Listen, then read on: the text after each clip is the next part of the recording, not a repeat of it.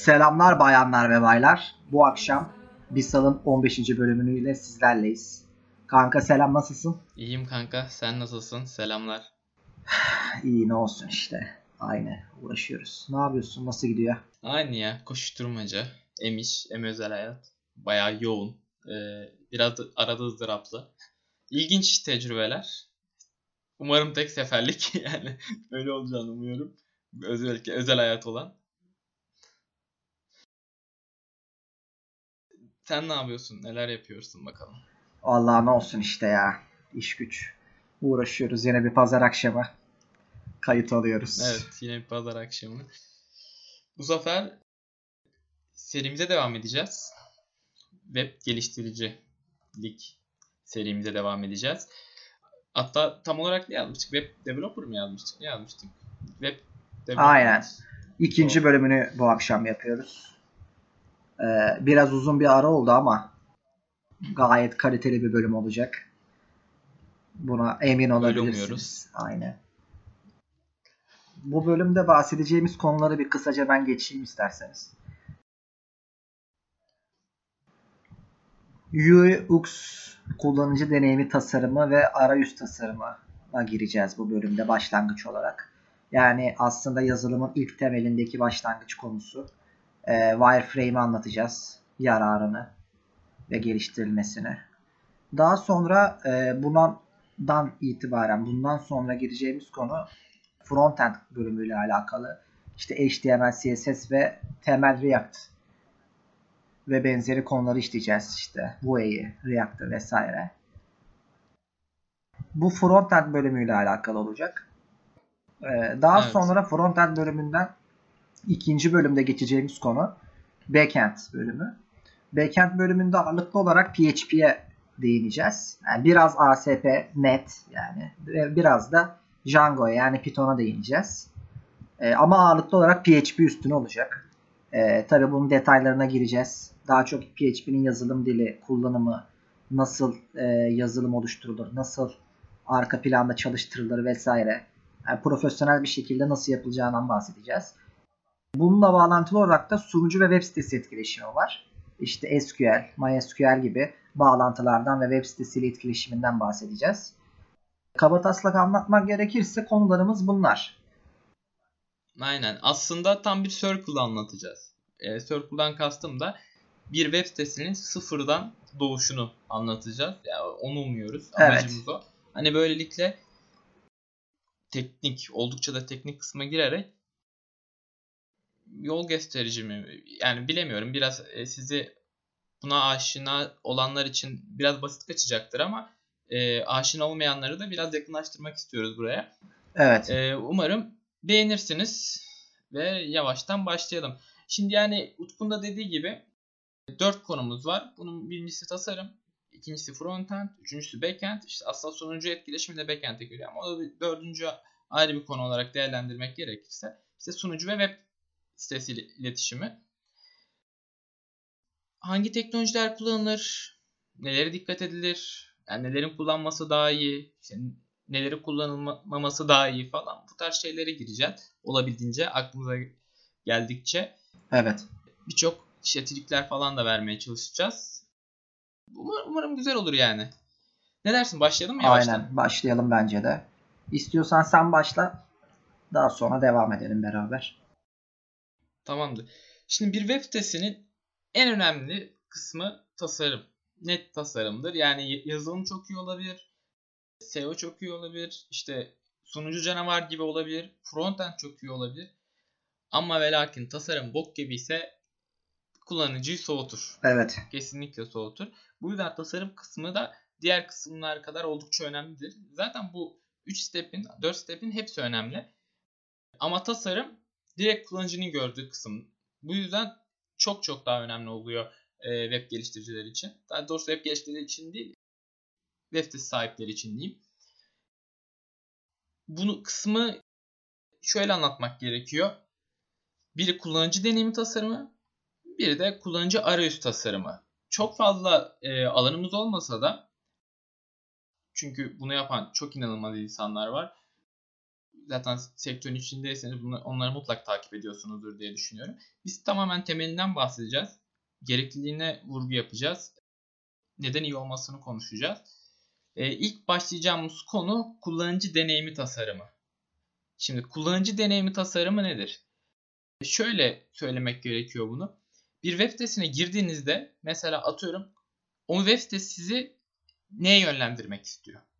Mesela atıyorum e, register e, yani kayıt olayı yönlendirecek mesela sizi. Bunu kullanıcının en görebileceği kısma koymak durumundayız ve işte en çekici renkleri kullanmak zorundayız. Butonun şeklini en iyi yani artık e, onlar tabi web sitenin şeyine de e, renk paletine falan da bağlı ama yani en iyi şekilde müşteriyi o kısma nasıl yönlendiririm? Kullanıcı deneyimi tasarımı aslında bunu sağlamamıza yarıyor. E, ne yapıyorlar bu kullanıcı deneyim tasarımı? Normal kullanıcı arayüz tasarımlarından ziyade kullanıcının deneyimini tasarlıyorlar. Bu da nasıl oluyor? Atıyorum dediğim gibi işte bir web sitesine giriyorum. Satın almaya yönlendireceğim mesela. Bir hepsiburada.com'a giriyorum mesela. Üye değilim. Sizi ilk baştan üyeliğe yönlendirmek Yani istiyorum. şöyle bir şey var. Ee, kullanıcı deneyimi tasarımında daha basit bir şekilde kullanıcıların gözünden baktığın zaman daha basit bir şekilde kullanıcıları yönlendirmeye hedefliyorsun aslında. Yani ne kadar basit olursa, ne kadar kolay olursa kullanıcılar daha fazla kalır. Sitede daha fazla gezinir. Zaten amaç da bu sitede daha fazla gezinmesi. Ee, baktığınız zaman daha basit bir şekilde bunu yapmak için yapılan grafikler ve mizampajlardır yani aslında baktığında. Bazı şeyler tabii ki de tabii bazı şeyler standarttır. Yani ne bileyim mesela login sağdadır. Yani yani Arap değilsen hiçbir zaman solda olmaz. Sadece Araplarda yani Arap sitelerinde soldadır. Üst kısım mesela header'dadır. Yani footer'da telefon yazar. Mesela atıyorum mesela yani. Mesela widget alanı vardır. Yani anlatabiliyor muyum? Bazı şeylerin yeri aynıdır. Şimdi mesela evet, sen üst gidip kısımda login e, butonunu veya logini sola olur. koyamazsın. En aşağıda koyamazsın. Bunun gibi şeyleri tasarlarken kullanılan deneyimlerdir yani. Baktığın zaman aslında. Üye. Evet ve bu çok önemlidir. Bu arada web sitesiyle ilgili de değildir sadece. İşte akıllı televizyonların arayüzü özellikle orada çok çok daha önemlidir. Bunu yapan şirketler var. Atıyorum işte mobil telefonlar. Yani mesela şu an işte atıyorum Android veya işte Apple kullanıyorsunuz. Bu tamamen kullanıcı deneyiminden dolayı mesela popülaritesi kazanmış şeyler. Yazılımda çok iyi evet işte atıyorum sizi içine çekiyorsa Apple falan ama kullanıcı deneyim olmasa Steve Jobs o kullanıcı deneyimini size sağlamasaydı şu an o dokunmatik ekranlarla mesela çok geç tanışmış olacaktık. Kullanıcı deneyim tasarımı o yüzden çok önemli. Utku'na dediği gibi kullanıcı web sitesinde tutmak ve istediğinizi yaptırabilmek. En önemli olay bu. Yani istediğinizi yaptırabilmek. Satın bir ürünü satın almak mı istiyorsunuz? Satın altabilmek. Yani ilk mesela ürünün fiyatını mı göstermek istiyorsunuz ilk başta? Onu gösterebilmek. İndirimi göstermek istiyorsunuz? Onu gösterebilmek. E, bu yüzden kullanıcı deneyimi tasarımı çok önemlidir. Hatta e, bilirsiniz web siteleri belirli aralıklarla güncellenir, değişir mesela. Atıyorum 6 ayda bir, bir senede bir, 2 senede bir vesaire. E, bunun asıl nedeni her zaman asıl nedeni hani artık yeni tasarıma geçeyim, sıkıldım falan değildir. Kullanıcı deneyimini arttırmaktır. İşte bunu analiz eden e, programlar var e, web sitesine entegre olan. Kullanıcılar en çok nerede vakit geçiriyor, en çok mouse hareketleri nerede, işte en çok e, neye tıklıyorlar, işte bu pop-up'ı niye kapattılar veya işte niye bu yazıya tıkladılar falan. Bunları analiz ediyorlar. Sonuçta kullanıcı deneyimi tasarımı da buna göre kurgulayıp bu sefer kullanıcıyı tam istedikleri şekilde yönlendiriyorlar. Bu yüzden çok önemlidir bu nokta. Ee, ikinci bir nokta, ya hatta bu arada bunu da söylemek gerekiyor. Kullanıcı deneyimi tasarımı ikinci yapılan şeydir. Hani web sitesi sıfırdan web sitesi yapıldığında, e, profesyonel bir şey yapıldığında. E, diğeri zaten e, sitenin genel arayüzünü çıkartmak. E, tam arayüzünü demiyorum bak genel arayüzünü. Bu da buna da wireframe deniyor. Genelde işte e, eskiz çalışmaları falan oluyor. Nasıl bunu nasıl tanımlamak gerekir? Şöyle e, bir A4 kağıdını aslında web sitenin temel yapısını çıkartıyorsun gibi düşünebilirsiniz. E, böylelikle sitenin temel yapısı çıkıyor. İşte butonlar nerede olacak, banner nerede olacak, işte footer nasıl olacak vesaire. Sonra işte kullanıcı deneyimi tasarımını e, da bunu güncelliyorlar ve en sonunda e, kullanıcı arayüz tasarımını yapıyorlar. Bu arada bu 2 ve 3'ün sırası çok önemli değil. Nasıl önemli değil? Yani kullanıcı deneyimi tasarım kullanıcı arayüz tasarımından sonra da olabilir. Hani tamamen e, UE çıktıktan sonra yani. Tabii genelde zaten arayüz tasarımı daha önce oluyor. Evet genelde Çünkü öyle yapıyorlar. Wireframe'den bir UI'sini yani kullanıcı arayüz tasarımını yapıyorsun. Deneyimini daha sonra yapıyorsun basitleştirmek için vesaire bazı işlemler yapıyorsunuz. Tabii bu profesyonel olarak yapılacak bir şey. Aynen. Ee, detaylı bir iş aslında baktığında. Kesinlikle. Dedi ya sırf bu işi yapan, sadece kullanıcı deneyimi tasarımı yapan çok büyük firmalar var yani 15-20 kişilik firmalar var. Sadece kullanıcı de- deneyimi tasarımı yapıyor. O uzmanları çalıştırıyor. Diğer bir konu kullanıcı arayüz tasarımı. Kullanıcı arayüz tasarımı dediğimiz şey de aslında şu an web sitesinin yani karşınıza çıkan web sitesinde gördüğünüz her şey. İşte o butonların rengi, font size'lar, e, banner'lar, işte vektörel tabanlı e, görseller vesaire bunların hepsi kullanıcı arayüz tasarımının içine giriyor. Bildiğiniz yani web sitesi yani aslında. Bunun üstünden çok da bir şey geçmeye gerek yok. En önemli kısım kullanıcı deneyim. Ya aslında böyle demek de saçma. Kullanıcı arayüz tasarımı çok çok önemli. Çünkü asıl görünen kısım o. Kullanıcı arayüzü. Evet. E, kullanıcının gördüğü arayüz. Bu yüzden çok önemli, çok şık, e, çok güzel ve modern artık veya işte yaptığınız web sitesinin kategorisine vesaire göre kullanıcı arayüz tasarımı yapılması önemli.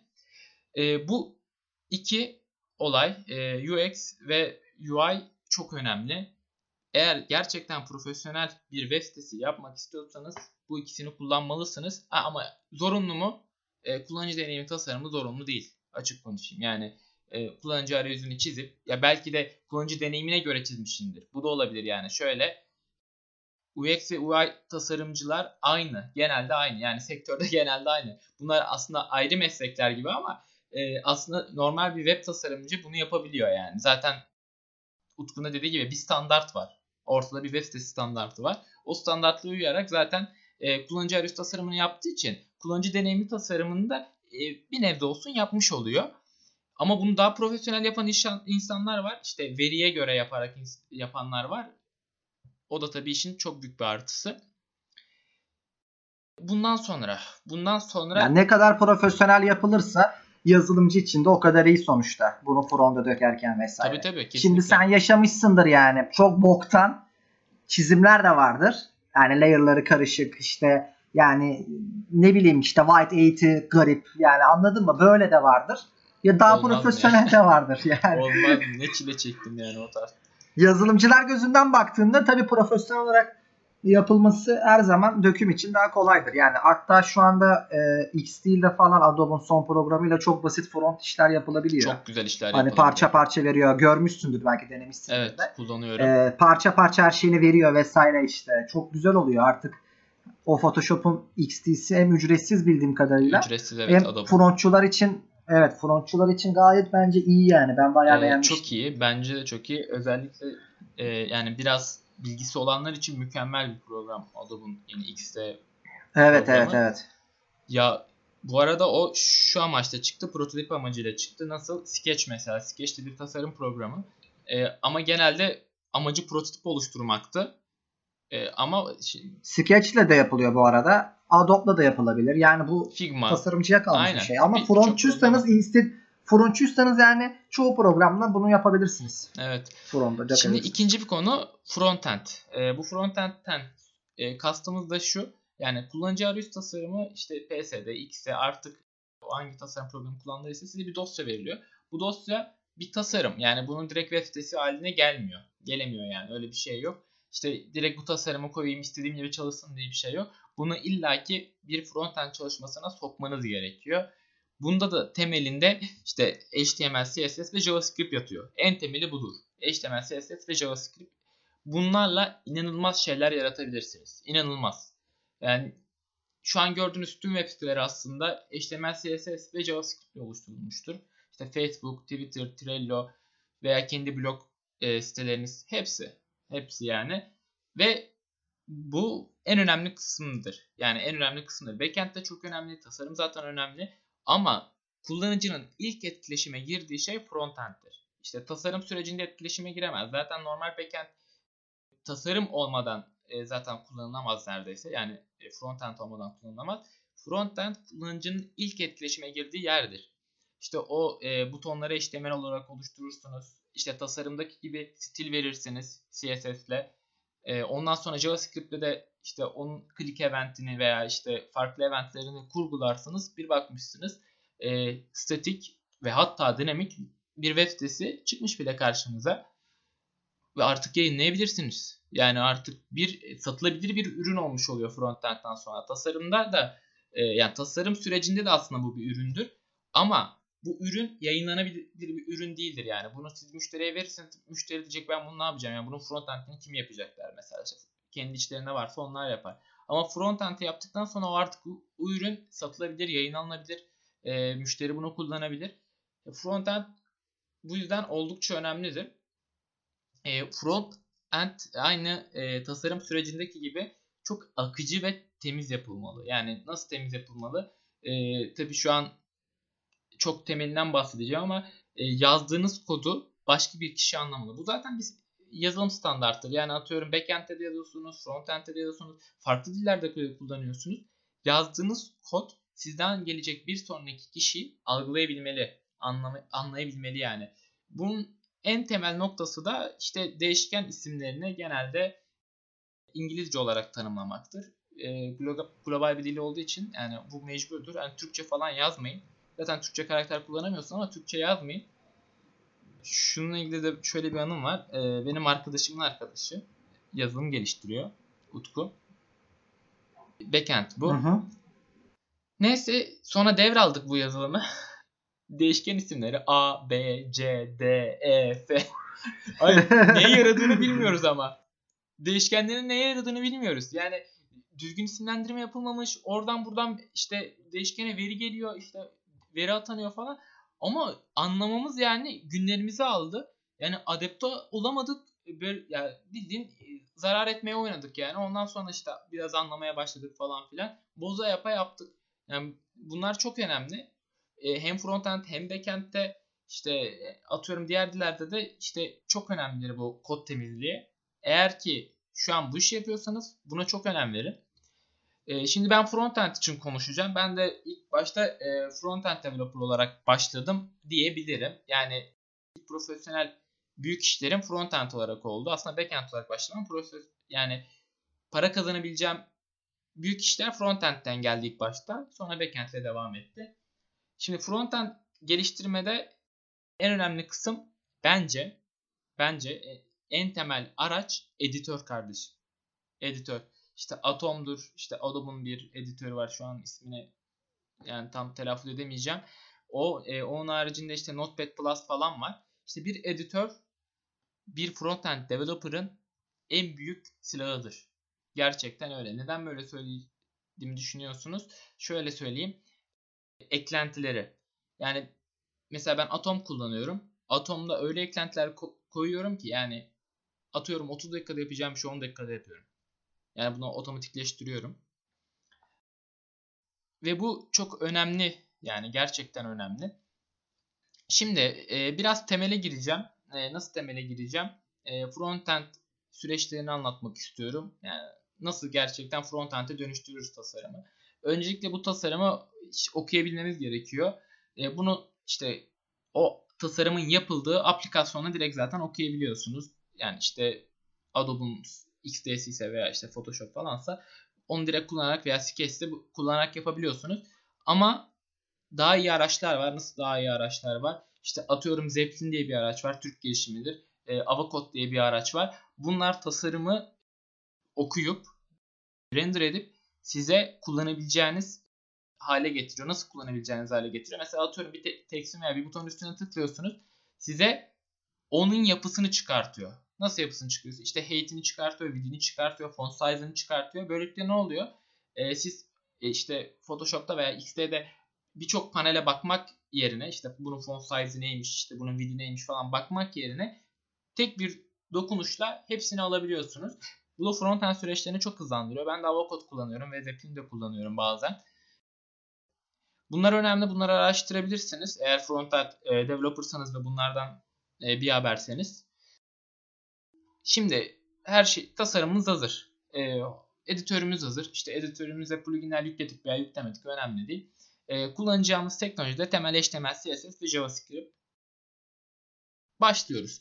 İşte HTML yapısını, iskeletini oluşturuyoruz. HTML iskeleti nedir? CSS giydirilmemiş. Yani aslında baktığınızda böyle sanki e, bazen e, web sitelerine girdiğinizde böyle garip bir boş işte arka planı beyaz saçma sapan sadece yaz, yazıların olduğu görsellerin stilin olmadığı siteler Aynen. vardır. tam Aynen. anlamıyla o stilin olmadığı siteler vardır.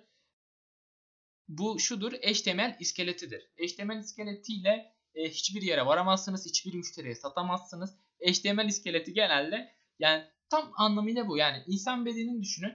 İçimizde bir iskelet var. Yani kemik yani. Direkt o yani. Ondan sonra ne işte e, böbreklerimiz, ciğerimiz, derimiz vesaire işte o da CSS oluyor aslında temelinde. Daha da işte karmaşık, karmaşık hale getirmek gerekirse JavaScript işte elimizi kolumuzu oynatıyoruz, gözümüzü oynatıyoruz o yani. temelinde o. E. HTML iskeleti oluşturuyoruz. Bununla ilgili çok dersler var. Yani şu an çok fazla temeline e, giremiyorum. Çünkü sözel olarak anlatılacak bir şey değil aslında bu HTML eğitimi. Yani bu, bu yüzden HTML iskeleti deyip geçeceğim. Genelde hepsi için böyle yapacağım da yine de dokunabileceğim kısımlara dokunacağım. CSS. CSS bir web sitesinin en önemli kısmıdır. Aslında frontend te, tamamen CSS'tir. Yani CSS developer diye, diye geçebilir yani. E, CSS şu an gördüğünüz web sitelerin asıl halini almasını sağlar. Görsel olarak. İşte atıyorum Facebook'un mesela header'ı mavi solda logosu var vesaire. Artık öyle miydi bilmiyorum. Ben de aylardır girmiyorum da kullanmadığım bir platform da.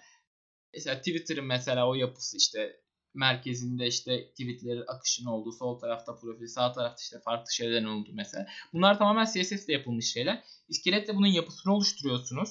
CSS'i kullanabileceğiniz şekilde bu da çok önemlidir nasıl çok önemli mesela siz HTML'i çok farklı oluşturdunuz ama CSS'de çok farklı bir şey yapacaksınız bu çok büyük bir karmaşa yaratır. E, çünkü HTML ve CSS aslında bir bütündür. Yani bunu hiçbir zaman ayrı olarak görmemeniz gerekiyor. E, yani ayrı bir HTML veya CSS dersi alıyorsanız onları silin. Gidin HTML, CSS birleşik ders alın. Çünkü saçmadır. Yani HTML tamamen yani boş demeyeceğim. Çok saçma olacak ama yani CSS'siz bir hiçtir. JavaScript'siz bir hiçtir. Evet. E, bu yüzden CSS ve JavaScript öğrenmeniz gerekiyor. CSS de az önce de dediğimiz gibi tamamen işin makyajıdır. E, tam anlamıyla bu işin makyajıdır. Peki JavaScript nedir? JavaScript de e, dinamiklik katar web sitesi. Nasıl dinamiklik? Hareketlilik katar. Aynen. Bir butona tıkladınız mesela form submit etti. Gerçi bunu HTML'in kendisi tarayıcılardan dolayı yapıyor ama atıyorum mesela slider'lar yani böyle kayan banner'lar. Onlar mesela JavaScript ile yapılıyor. JavaScript eklentileri yapılıyor daha doğrusu. Veya kendiniz yazabiliyorsunuz atıyorum işte e, scroll yapıyorsunuz sağdan soldan efekti şeyler geliyor. Bunlar JavaScript'tir. Yani Evet. JavaScript işi dinamiklik kadar. Yani HTML CSS ile tamamen hiç JavaScript olmadan bir şeyler yazabilirsiniz. Kesinlikle yazabilirsiniz. Ama JavaScript ile bunları daha kullanıcının kullanabileceği nasıl nasıl diyeyim yani e, kullanabileceğinden ziyade daha yararlı bir e, web sitesi haline getirirsiniz. Yani sonuçta kullanıcı tıklıyor, işlem yapmıyor. Atıyorum işte e, bir yere gidecek gidemiyor. Çünkü hani ne click eventi çalışıyor ne slider çalışıyor. Yani gösteremiyorsunuz kullanıcıya bir şey. Bu da kötü bir şey. Ya, bu yüzden JavaScript de çok önemlidir. Ama HTML, CSS ile temel bir satışa konulabilir bir ürün yapabilirsiniz yani. Bunun haricinde frontend kısmında son zamanlarda son zamanlarda demeyeyim hatta son 4 yılda özellikle 4-5 yılda büyük bir gelişme oldu. Bunlar da yeni diller diyeyim yani. Yeni diller diyeyim. Aslında temelinde JavaScript kullanan diller, projeler diyeyim. Özellikle React çok popülerdir. Peki React nedir? Ee, React Facebook tarafından geliştirilen bir teknoloji. E, nasıl bir teknoloji diye soracak olursanız temelinde HTML, CSS, JavaScript web sitesi yaptınız. Ve atıyorum canlı mesajlaşma koydunuz. Yani canlı mesajlaşma koydunuz. E, web sitesindeki kullanıcılar canlı konuşacak. Bir chat sitesi mesela atıyorum. Bunu e, HTML, CSS ve normal JavaScript ile çok zor yaparsınız. Gerçekten çok zor. Çünkü anlık yenilenme denen bir olay var. Anlık yenilenmeden kastımız ne? İşte eskiden vardı e, Utku bilirsin yani Facebook'ta mesaj geliyor mu diye sürekli sayfayı yenilerdik. Aynen. Evet. mesaj gelmesi için hep F5 F5 sayfayı yenilerdik. Şu an React bunu tamamen ortadan kaldırıyor. Evet. Yani Her- React zaten altyapısı olarak da güçlü ama en başta çıktığında çok kale alınmamış. Ee, Airbnb kullanmış daha sonradan. Airbnb bunu açıklayınca daha fazla kale alınmış. Hatta şu Google'ın Angular JS falan React altyapısıyla, Redux frameworkleriyle Evet, falan evet. yapıldığını söyledi Google. Hani Airbnb'nin incelediğiniz zaman arka planında çok büyük bir yazılım olduğunu görürsünüz. Yani bilmiyorum belki yazılımcılar daha fazla fark ediyor bunu ama Airbnb'nin arka planında kullanılan yazılımın e, bu framework'le yapılması aslında çok büyük bir avantaj yani. Demek ki fazla önyargılı olmamak gerekiyor. Kesinlikle. Bunu Facebook e, geliştirdi ve şu ana kadar yapılmış en iyi şey paketlerden biri React. Yani şöyle düşünün eskiden dediğimiz gibi F5 yapıyorduk ya mesaj geldiğini görebilmek için veya birinin online olup olmadığını görebilmek için atıyorum. Ee, işte mesajlaşmalar da aynı şekilde saçma sapan şekilde yürüyordu. Şu an React bu her şeyi çözüyor. Yani React'ta e, şöyle bir şey var. Sayfayı yenilemenize gerek yok. Belirli bir alanı biri geldikçe veya işte e, web sitesini geliştiren kişi istedikçe güncelleyebiliyorsunuz. Böylelikle tamamen dinamik ve canlı web siteleri oluşturabiliyorsunuz. Bu çok önemli bir şey. Canlı web siteleri.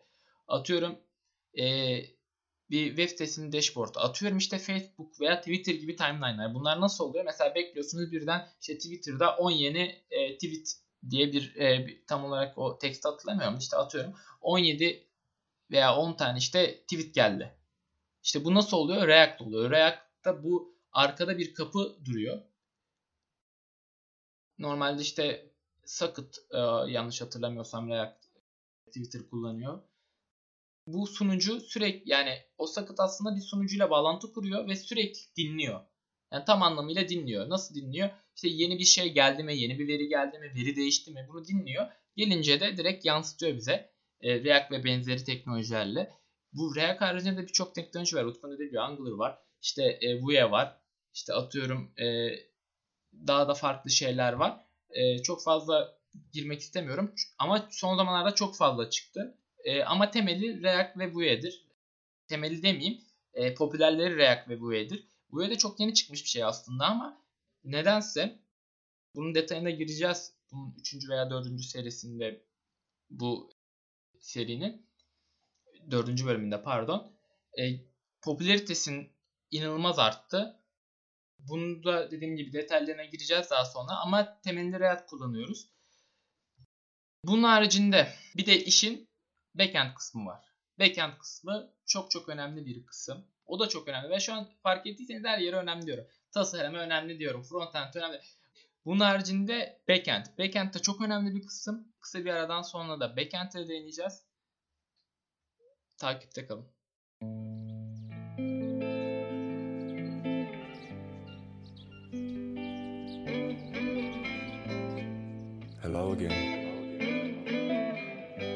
Remember me? We were making love, but just getting started. This is foreplay.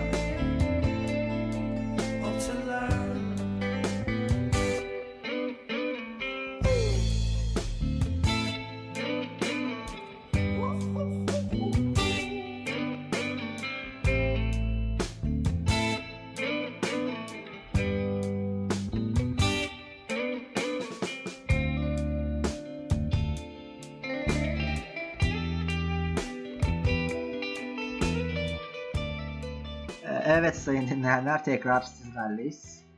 Ee, ş- merhaba. Ee, Merhaba. Şimdiki konumuz aslında backend kısmı ee, bu serinin. Aslında Evet. en çok belki üstüne duracağımız ağırlıklı olarak bahsedeceğimiz konu. PHP'den, Net yani ASP'den ve Python, Django'dan bahsedeceğiz bu bölümde. E, Backend bölümü diğer bölümlere nazaran tabii biraz daha uzun olabilir çünkü işin en temel bölümüdür. E, bu sebeple biraz daha ağırlıklı olarak bu konudan bahsedeceğiz. Evet, işin en önemli kısımlarından biridir. Aslında yani şu an diyeceksiniz ki tasarımı da bunu dediniz, frontend'de de bunu dediniz, backend'de de bunu dediniz. Ama gerçekten öyle. Yani şöyle tasarım frontend zaten olmazsa olmaz. Temel. Neden temel? Zaten web sitesi onunla oluşuyor. Okey. Ama backend olmazsa da interaktif web siteleri artık yapamıyorsunuz. Yani React ve Vue'yi tamamen saf dışı bırakıyorum. Çünkü onlarla artık yapılabiliyor. Artık yani React ile Vue'de frontend'de aslında bir backend yapabiliyorsunuz. Ee, ama ona hiç girmiyorum. Ben tamamen frontend'in HTML, CSS ve JavaScript'ten ibaret olduğunu düşünerek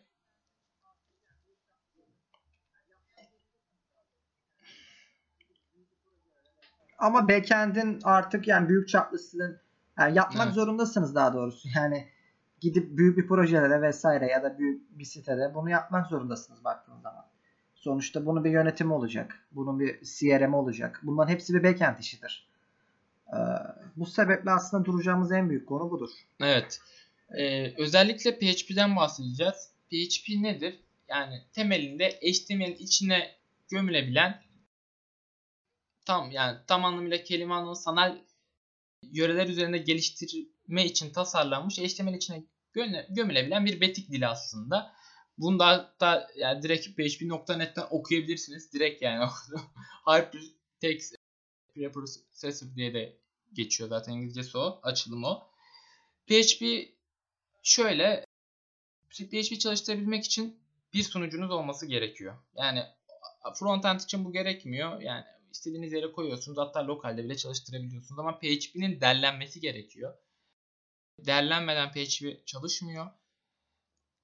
PHP ile tamamen dinamik web siteleri oluşturabiliyorsunuz. Tamamen dinamikten kastım da mesela dediğim gibi React ve Vue'yi tamamen unutuyorum. İşte atıyorum bir yorum kısmı yaptınız. İşte Facebook'taki bir yorum kısmı yaptınız mesela. Fotoğrafın altına yorum yazacaksınız. Bunu nasıl etkileşime sokacaksınız? Bu bir veri tabanına gidecek. Veri tabanında o yazıya bağlanacak. Sizin yazdığınız e, notlanacak. Ve ondan sonra PHP ile bunu yazdıracaksınız yani. Bunun başka bir çaresi yok. Çünkü bunu frontend'de yapamazsınız. Mümkün değil. Ha yaparsınız ama anlık olur. Yani o veri bir yere kaydedilmesi gerekiyor. O verinin derlenmesi gerekiyor. Ve e, bunu PHP ile yapabiliyorsunuz. PHP çok popüler bir dildir. Gerçekten çok popüler bir dildir. En çok kullanılan dillerden biridir backend'de. E, Evet. Sonra ASP.NET e, geliyordu ama artık e, Python geliyor genelde. E, Evet. Python'da Net daha çok banka sistemlerinde ve daha back kısmında kullanılıyor aslında panellerde vesaire ama e, o da güvenli olmasından dolayı ama artık Django yani Python çok yukarıya çıktı yani bu konuda. Hem güvenli olduğu için hem de gelişime açık bir dil olduğu için. evet Eski bir dil. Ya PHP de eski ama Django da çok eski bir dil yani Python. PHP aslında gördüğünüz web sitelerinin internet üstünde yaz, yaklaşık %40'ını belki de 50'sini oluşturuyor. Öyle söyleyebilirim. hatta daha da fazla Ee, oluyor. işte mesela CRM e, pardon e, CMS sistemlerinin hepsi hemen hemen PHP'dir yani. WordPress'miş bilmem ne. Evet evet vesaire. kesinlikle. PHP'dir. Ee, zaten WordPress %30'unu oluşturuyordu yani. İnternetteki sektörün PHP tahmin edin custom işlerle birlikte. Aynen. %50'sini rahat oluşturuyor. Bu sebeple aslında PHP'den bahsetmek istedik. PHP bu arada sunucu tabanlı bir dildir. Yani şöyle JavaScript, HTML, CSS, JavaScript client taraflı bir dil. Nasıl client taraflı? Yani sunucuda derlenmez. Tamamen kullanıcı ve kullanıcının kullandığı işte Chrome ve Firefox gibi tarayıcılar derler. Ama PHP'yi sunucu Evet. derler ve kullanıcıya gösterir. Ee, Evet. Farkı budur. Mesela dediğim gibi işte React da mesela client bazlıdır. İşte Vue de mesela client bazlıdır ama Evet. PHP server tabanlı bir e, sunucu taraflı Evet. çalışan bir dil. Bununla her şeyi yapabiliyorsunuz. Öyle diyeyim. Yani bu bunun bir kısıtlaması yok. Evet. PHP'de her şeyi yapabiliyorsunuz. İşte Facebook eskiden PHP'ydi. İşte gördüğünüz çoğu web sitesi PHP. PHP.net'in sitesi zaten PHP. Yani her şey PHP tabanlı gidiyor. E, Utku'nun da dediği gibi Evet. yani nerede baksak %60 çok net PHP'dir web sitelerinin.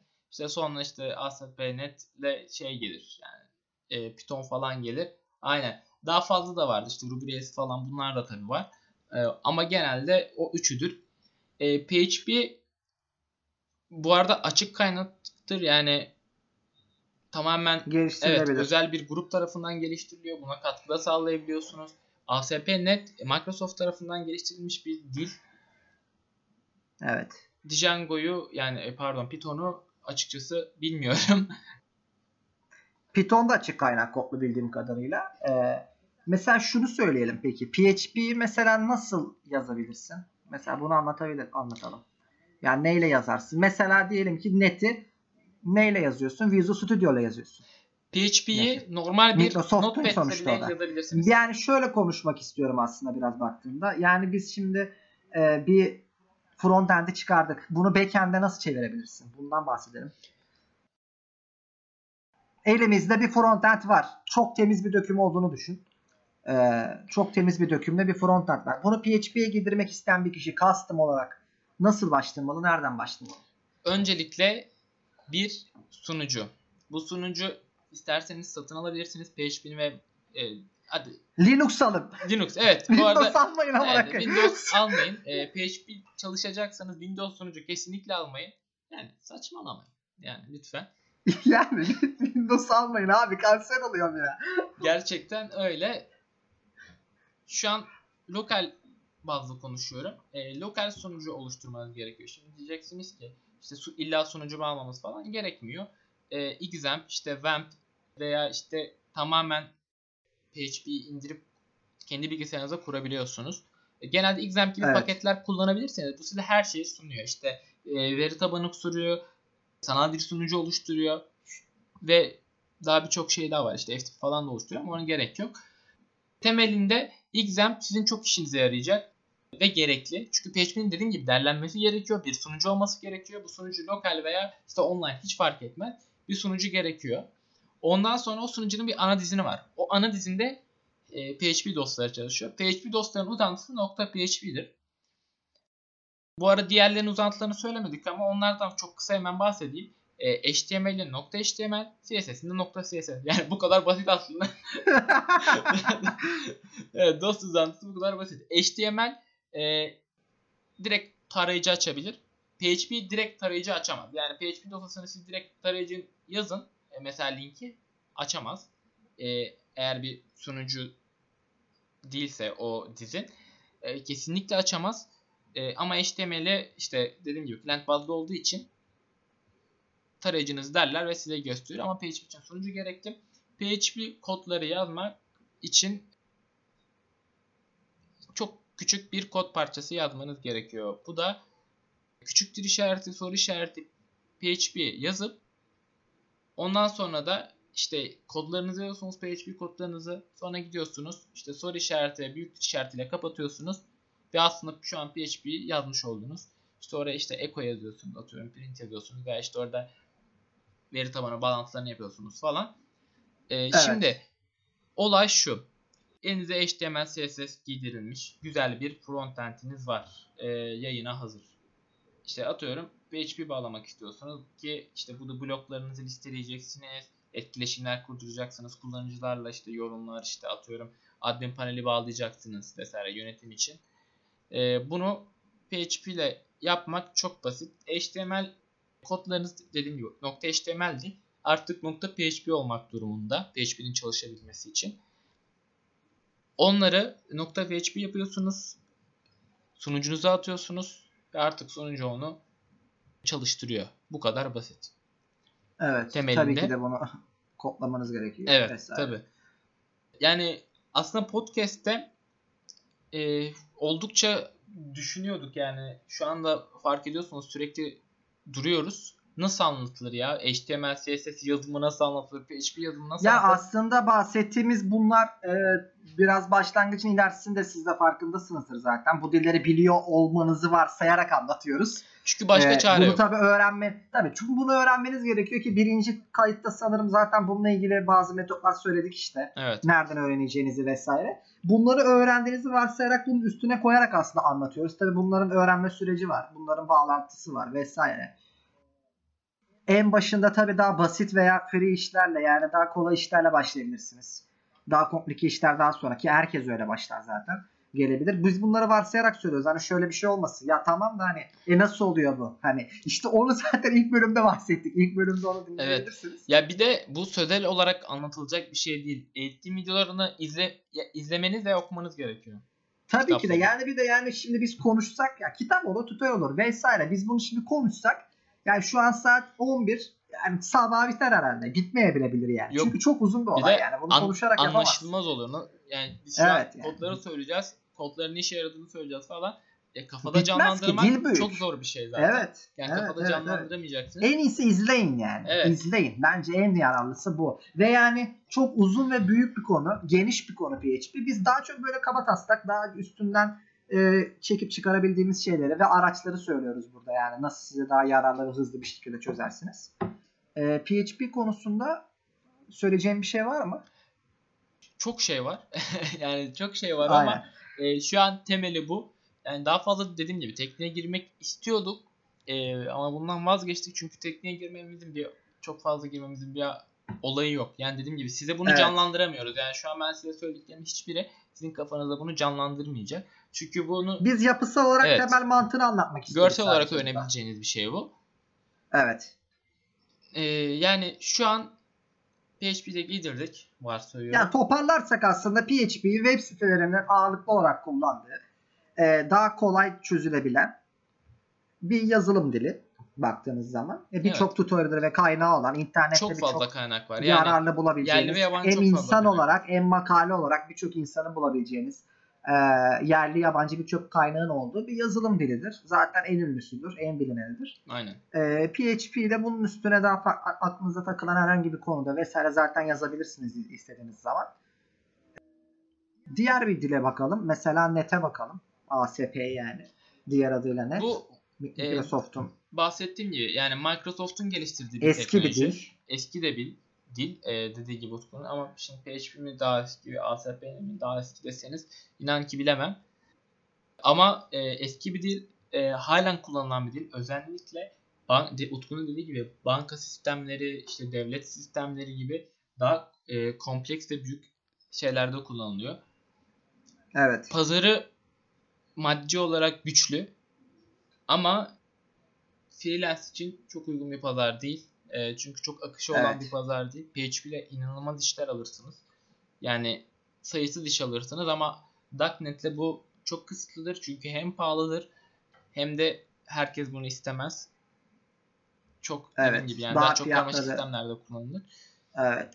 Ya temelinde PHP ile aynıdır diyeceğim. Çok saçma olacak. Bunu nasıl tekniğine girebiliriz bilmiyorum. Bunu araştırmanız ASP gerekiyor. yani bunu araştırabilirsiniz. ASP, ASP'ne. Hani baktığınız zaman genelde Microsoft'un Visual Studio'suyla yazılan bir dildir. Aynen. Ee, arka planda daha sık kullanılıyor benim gördüğüm. Kesinlikle. Ya ön yüz yani ön yüzden kastım hani frontend'i Açık kaynak kodludur. .NET'le e, yazıyorsunuz ama e, genelde back işler için ya da işte API geliştirme vesaire. bu Yani web için. uygulamaları veya servisleri için de aktiftir aslında. Ee, kendi sitesinde birçok API'si falan da var. Aynen. Açık kaynak kodludur. Ya tabii ki de C ve C Sharp bilmeniz gerekiyor Kesinlikle. yazmak için. E, C ve C Sharp bilmeden net'i kodlayamazsınız. Evet. Ee, yani altyapısında kullanılan dil budur. Bunu bildiğiniz zaman net'i kodlayabilirsiniz. C ve C Sharp da ayrı bir farklı bir dildir tabii PHP'ye göre. Ee, bunu bilip Visual Studio gibi aracı programlarla e, komplikesi o çünkü yani dünyada. Ee, bunu indirip e, kendinizi geliştirebilirsiniz. Yani ama önce tabii C, C Sharp'ı e, temel seviyesinde hiç yoktan bilmeniz gerekiyor kodlamak için Evet. arka planda kullanılan daha çok daha büyük sistemlerin kullandığı ama kullanım oranına baktığınız zaman dünya genelinde daha az kullanılan bir dildir. Evet. Çünkü yani Evet. Stack Overflow'a girerseniz zaten bunu görebilirsiniz. Veriler var. Evet. Ee, tabii ki de parası yüksek Barış'ın dediği gibi aslında yapılan işlerde. Ya Yani mesela diyelim bir kredi kartı sistemi vesaire bunlar gibi sistemlerde komplike yazılımlarda aslında kullanılıyor ama işte burada sizin ihtiyacınız önemli. Yani bu işi freelancer alamazsınız. Bir şirket üstünden alabilirsiniz ve bunu da tak, tek siz kodlamıyorsunuz. Bir kişi kodlamaz yani Evet. baktığınız zaman. E bu sebeple bir grupla kodlarsınız. Haliyle de internetten freelancer olarak yani veya daha fazla alan olarak iş hayatında PHP daha aktif. Benim söyleyebildiğim. Kesinlikle. Yani en çabuk para kazanabileceğiniz dil PHP oluyor e, backendlerde. Bunun haricinde ASP.NET'ten sonra da Python var. E, oldukça popüler Evet. ve güvenli. Ya oldukça Python, popülerden aynen. kastım. Yani ASP.NET'ten sonra ki popüler olan dillerden biri Python. Ve son zamanlarda popülaritesi artmaya başladı. Çok çok yüksek şu anda. Dünyada en çok kullanılan 3 dilden biri. Çünkü yapay zeka da girdi işin içine Python'da. E, Arduino muhabbeti vesaire var biliyorsunuz. Evet. E, aynı zamanda web aplikasyonlarında da kullanılıyor. E, yapay zekada da kullanıyor ama tabii ki de altyapıları farklı. Yani e, Django'yla e, şey yapamıyorsunuz. Yapay zeka yapamıyorsunuz. Django ile web sitesi yapabiliyorsunuz vesaire. Python iyidir ya Python. yani Python'da geliştirdiğimiz projeler var. Evet. Python Python e, çok Açık zordur e, senteksi e, diyebilirim. Yani en azından e, Evet, PHP çok ile- zor bir yazılımdır ya. PHP ile tanışmış ilk PHP ile tanışmış kişiler için Python çok zor gelecekti ilk başlarda. Sonra alıştıkça yazabiliyorsun. O da aynı ASP.NET gibidir aslında. Özellikle çok güvenli olabilecek şeylerdi. İşte Utku'nun dediği gibi işte yapay zekalarla işte atıyorum mesela e, şu an çok olmasa da işte ödeme sistemlerinde falan e, Evet kullanılıyor. birçok zaman yerde var mesela işte derin öğrenme, makine öğrenimi vesaire, yapay zekada birçok yerde aslında kullanılıyor ama en büyük avantajlarından biri güvenli olması webde kullanılmasına yönelik. Ee, ve hani aslında çok az kişinin bilmesi biraz daha değerli kılıyor diyebilirim aslında. Zor bir dil çünkü. Evet. Çünkü biraz baktığınız zaman PHP'ye göre antal kalabilir. Çünkü modülasyon olarak yani modüler olarak yani ne bileyim mesela bir PHP'de bulabileceğiniz bir framework veya bir dosyayı, bir JavaScript'i vesaire şeyde bulamayabilirsiniz Python'da. Bazen kodlayabilirsiniz yani. Custom olarak biraz daha açık bir dil. Yani çünkü geliştirdiğimiz projelerde yani bir sistem entegre edeceğiz. Sürekli custom yazılıyor. Yani yani bir şey bulamıyorsun dil hakkında. Yani o da sıkıntı. E bir de çözemediğin bir konu olduğu zaman kaynak olarak Türkçe kaynak azdır. Bunu söyleyeyim. İngilizce kaynak da ağırlıkta. Ama PHP'de Türkçe kaynak da var. Yani çöz baktığınız zaman. Ama yani merakınız varsa yapay zeka bölümünde aslında ilgilenebilirsiniz benim tavsiyem. Çünkü gerçekten orada gayet iyi paralar var. Artı iş imkanı da var. Yurt dışında vesaire. Evet. Python iyidir ya. Yani burada çok uzmanlık olduğumuz konular değil ASP.NET ve Python. Yani Utku biraz daha aslında Python'a girdiği için biliyor. Ben Evet. benim çok bildiğim bir konu değil açıkçası Python. Sadece e, temel altyapısını falan biliyorum. E, ben PHP geliştiriyorum. Şimdi neyi anlattık? Tasarım sürecini geçtik, frontend sürecini geçtik, backend sürecinde geçtik derken ortaya verileri nasıl yöneteceğimiz çıkıyor. Şimdi olay şu. Çok güzel bir frontend, işte tasarımınız güzel frontend yapıldı. PHP'de giydirdiniz. Ama neye giydirdiniz? Yani PHP'yi ne için giydirdiniz? İşte blok yazılarınız nereden gelecek? Evet. İşte atıyorum yorumlar nerede tutulacak? Bunlar Evet. çok önemli şeyler. Çünkü o veriler bir şekilde tutulması gerekiyor. O dinamikleştirme için e, o dinamikliği yaratan verilerin bir yerde tutulması gerekiyor. Bunda da temelde SQL ortaya çıkıyor. Yani SQL bir Evet. tabanı yönetim dili. E, Türkçesi de yapılandırılmış sorgu dili gibi bir şey oluyor sanırım. Bunun amacı verileri yönetmek ve o o kısmı tasarlayabilmek. Aslında SQL bir programa dili olarak geçmiyor ya. Yani tam bir programa dilde değil. Yani tam olarak öyle geçmiyor. Ama tamamen kendisine ait bir syntax'i var. Kendisine ait bir dili de var yani. İşte sorgular oluşturduğunuz, kayıtları oluşturmak için sorgu yazdığınız. SQL'in birçok çeşidi çok var. önemli bir olaydır. Yani Çok. SQL'siz olmama ihtimali yok. Evet çok önemli bir olay. Ee, Bağlantıyı sağlıyor bir nevi. bu SQL en çok kullanılanları. Bunun haricinde işte e, bunun altları var. Nasıl altları var? İşte MS SQL, işte MySQL, işte vesaire bu tarz gidiyor yani. İşte veya veri tabanı yönetimi olarak Oracle var mesela. En büyük şirketlerden biri. Genelde işte yine banka Evet. ve benzeri büyük sistemlerin, şirketlerin kullandığı bir şirket. SQL'in amacı ilk başta bahsettiğim gibi verilerin kayıt edilmesi, verilerin ya kayıt edilen verilerin sorgulanması ve sunulması işte atıyorum e, yorum yazılacak bu yorumlar orada tutuluyor sonra gösterirken yine oradan çağırıyorsunuz. Yani bütün verileriniz SQL'de kullanılıyor ve orada tutuluyor ve siz oradan çağırıyorsunuz. SQL zorunlu mudur diye soracak olursak ben ya kesinlikle zorunlu. Bir dinamik web sitesi için kesinlikle zorunludur SQL. E, veya işte SQL türevleri diyeyim. İşte e, SQL Microsoft'un SQL serverleri işte MS SQL veya MySQL Evet. vesaire.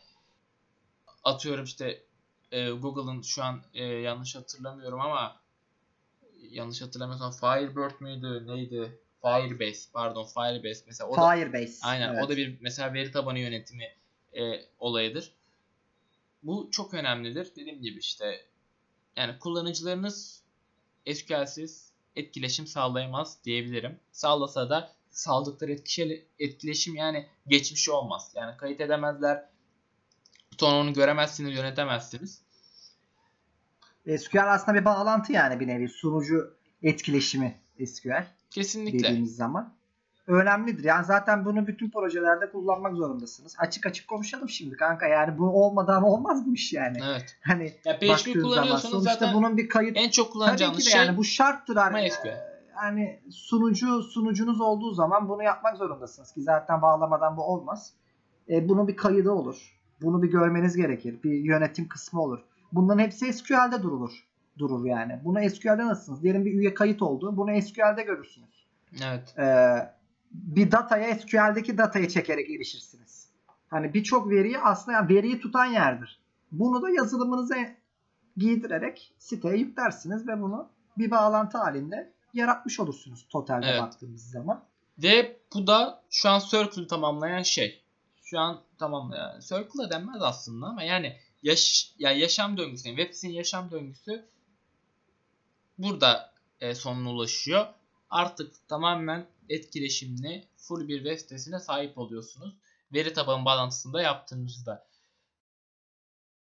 Evet yani sıfırdan web sitesi geliştirmek aslında bu. Bazı konulara dediğim gibi çok fazla e, duraksayarak girdik. Çünkü bunun tekniğine çok fazla girmeye çalışmıyorduk. E, çünkü girsek de anlatamayacaktık. Yani bu sözel olarak anlatılacak bir durum değil aslında. E, en azından bizim anlatabileceğimiz bir durum değil. Bu genelde işte eğitimlerini YouTube'dan bulabilirsiniz. İşte atıyorum Udemy'den bulabilirsiniz. Bu tarz e, platformlardan bulabilirsiniz. Ücretli veya ücretsiz. Eğer girmek istiyorsanız yani bu sektöre girmek istiyorsunuz atıyorum işte web sitesi işte oluşturacağım, satacağım veya işte ben bir web developer olacağım diyorsanız ilk öğrenmeniz gereken şey bence frontend'tir. Tasarım süreçlerine e, yeteneğiniz varsa girebilirsiniz. E, bir tık yetenekle gidildi mi daha iyi oluyor.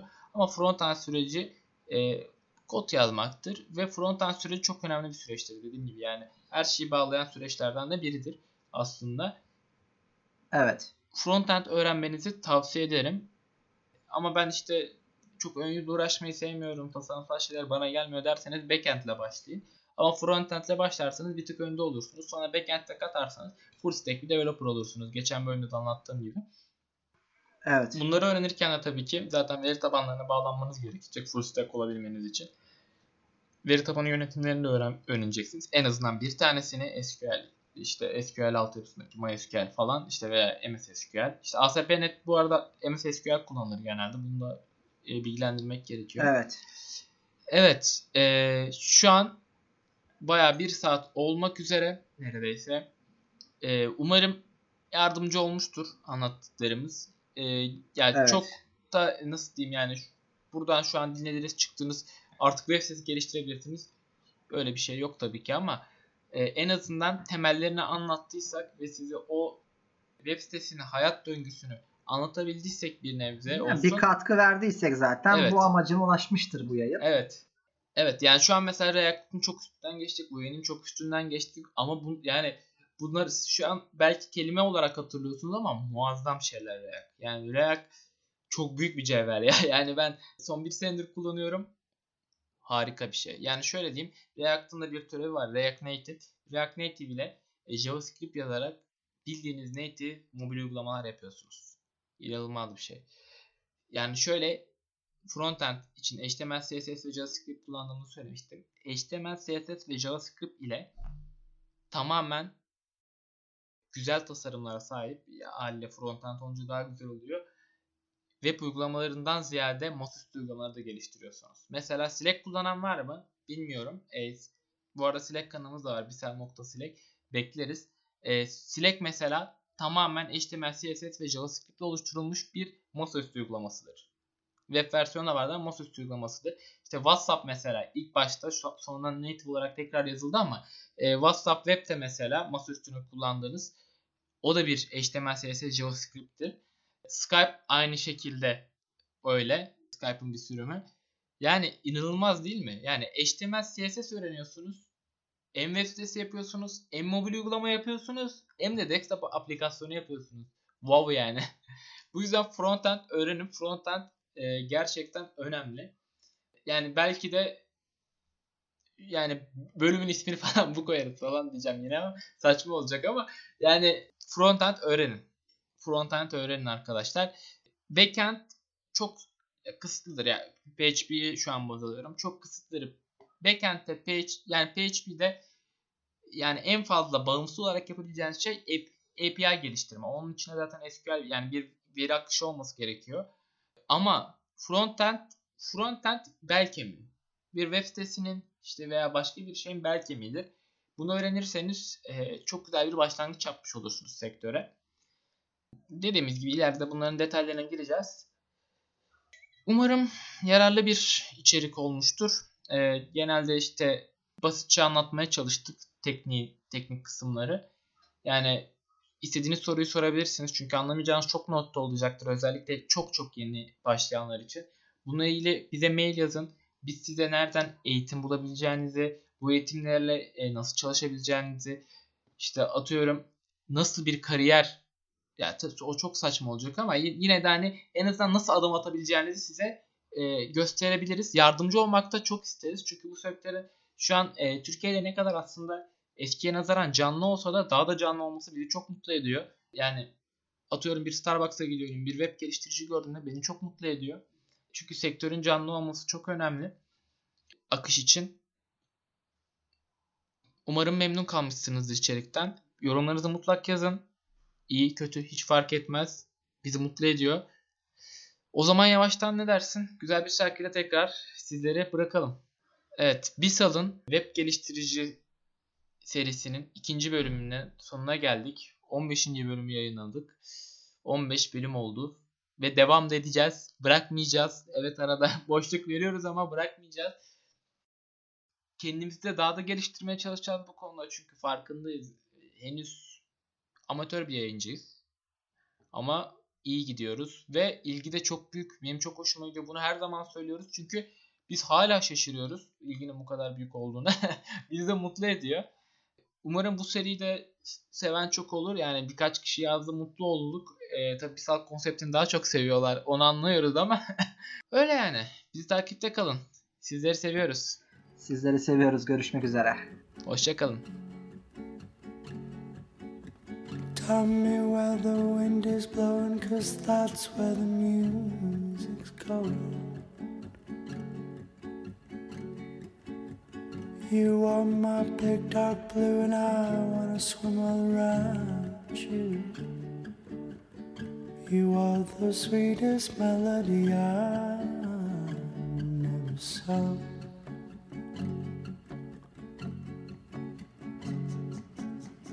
I feel like I know you, but you're just a ghost to me.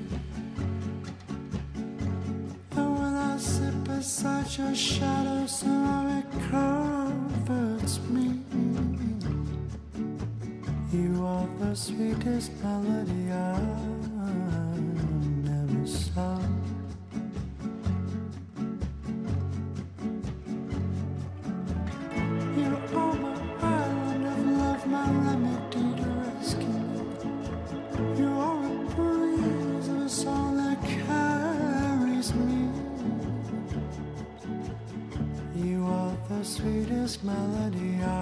and the sun